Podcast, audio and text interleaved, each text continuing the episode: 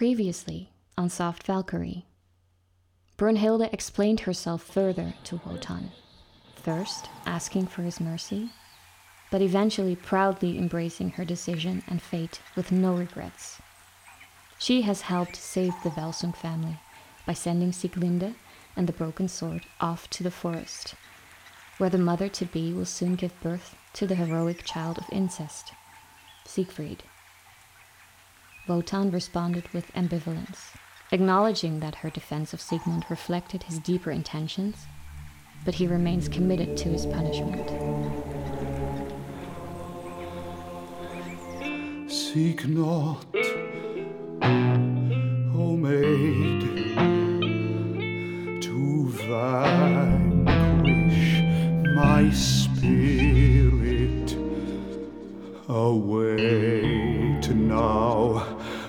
fate.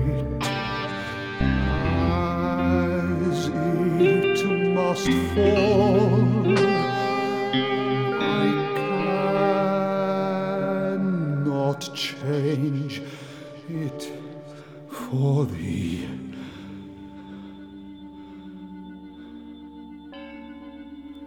But hence must I now, far from thee fair, too long I stayed with thee here. As from me turnest thou, turn I from thee. What wish is thine I may not know the sentence now. Must I see fulfilled? What hast thou decreed that I shall suffer?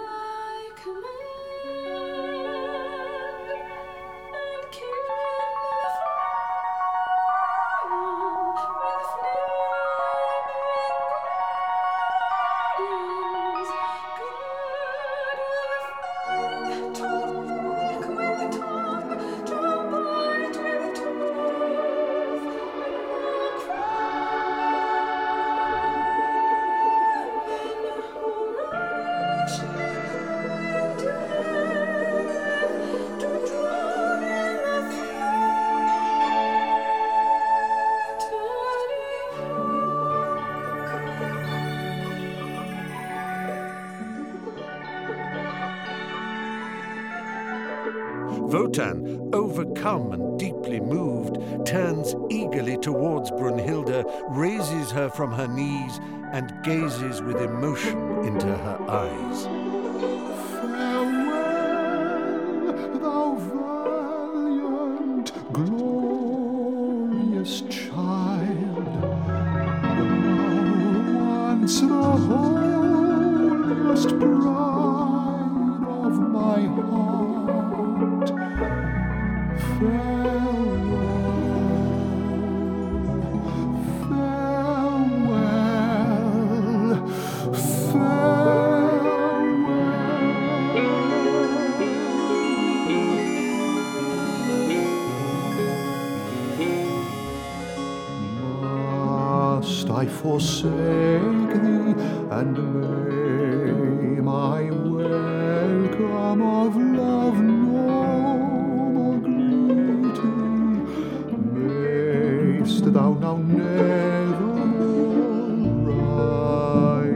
ride as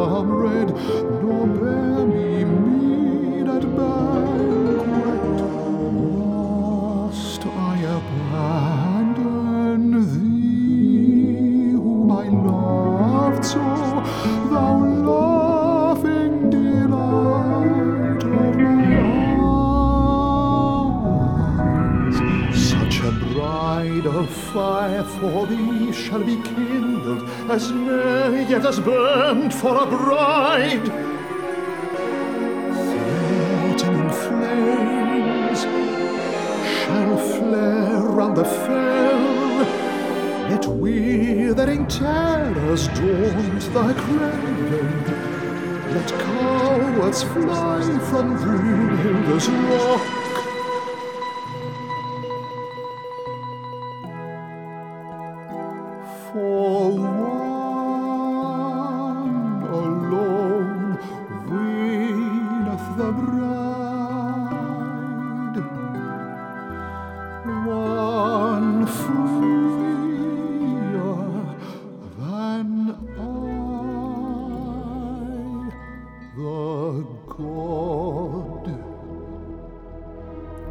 Brunhilde, deeply moved, sinks in ecstasy on Wotan's breast.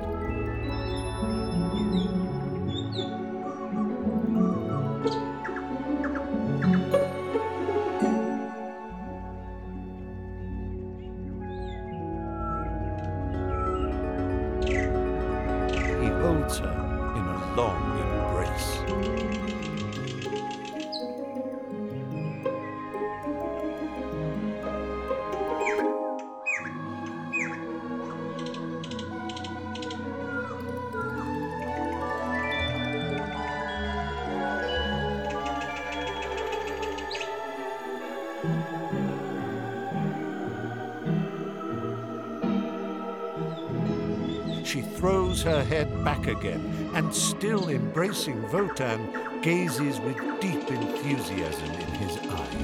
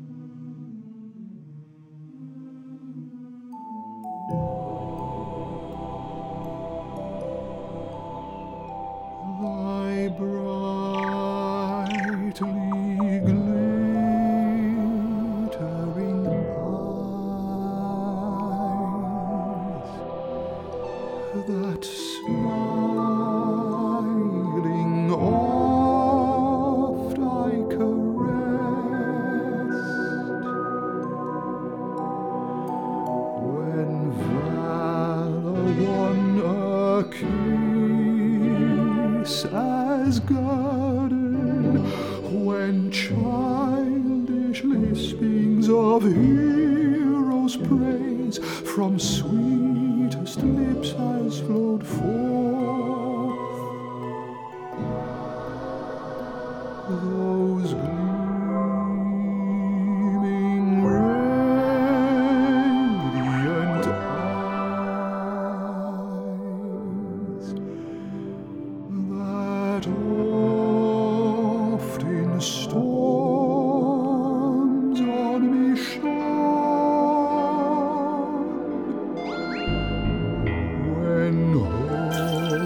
yearning my heart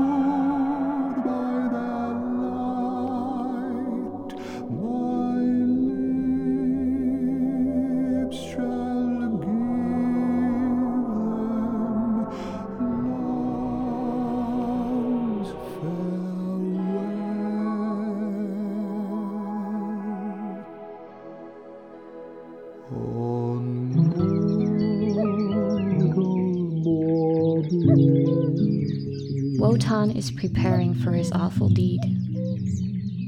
Let's pause briefly to collect ourselves before the fire is lit, as he sings to Brunhilde his most gentle lullaby.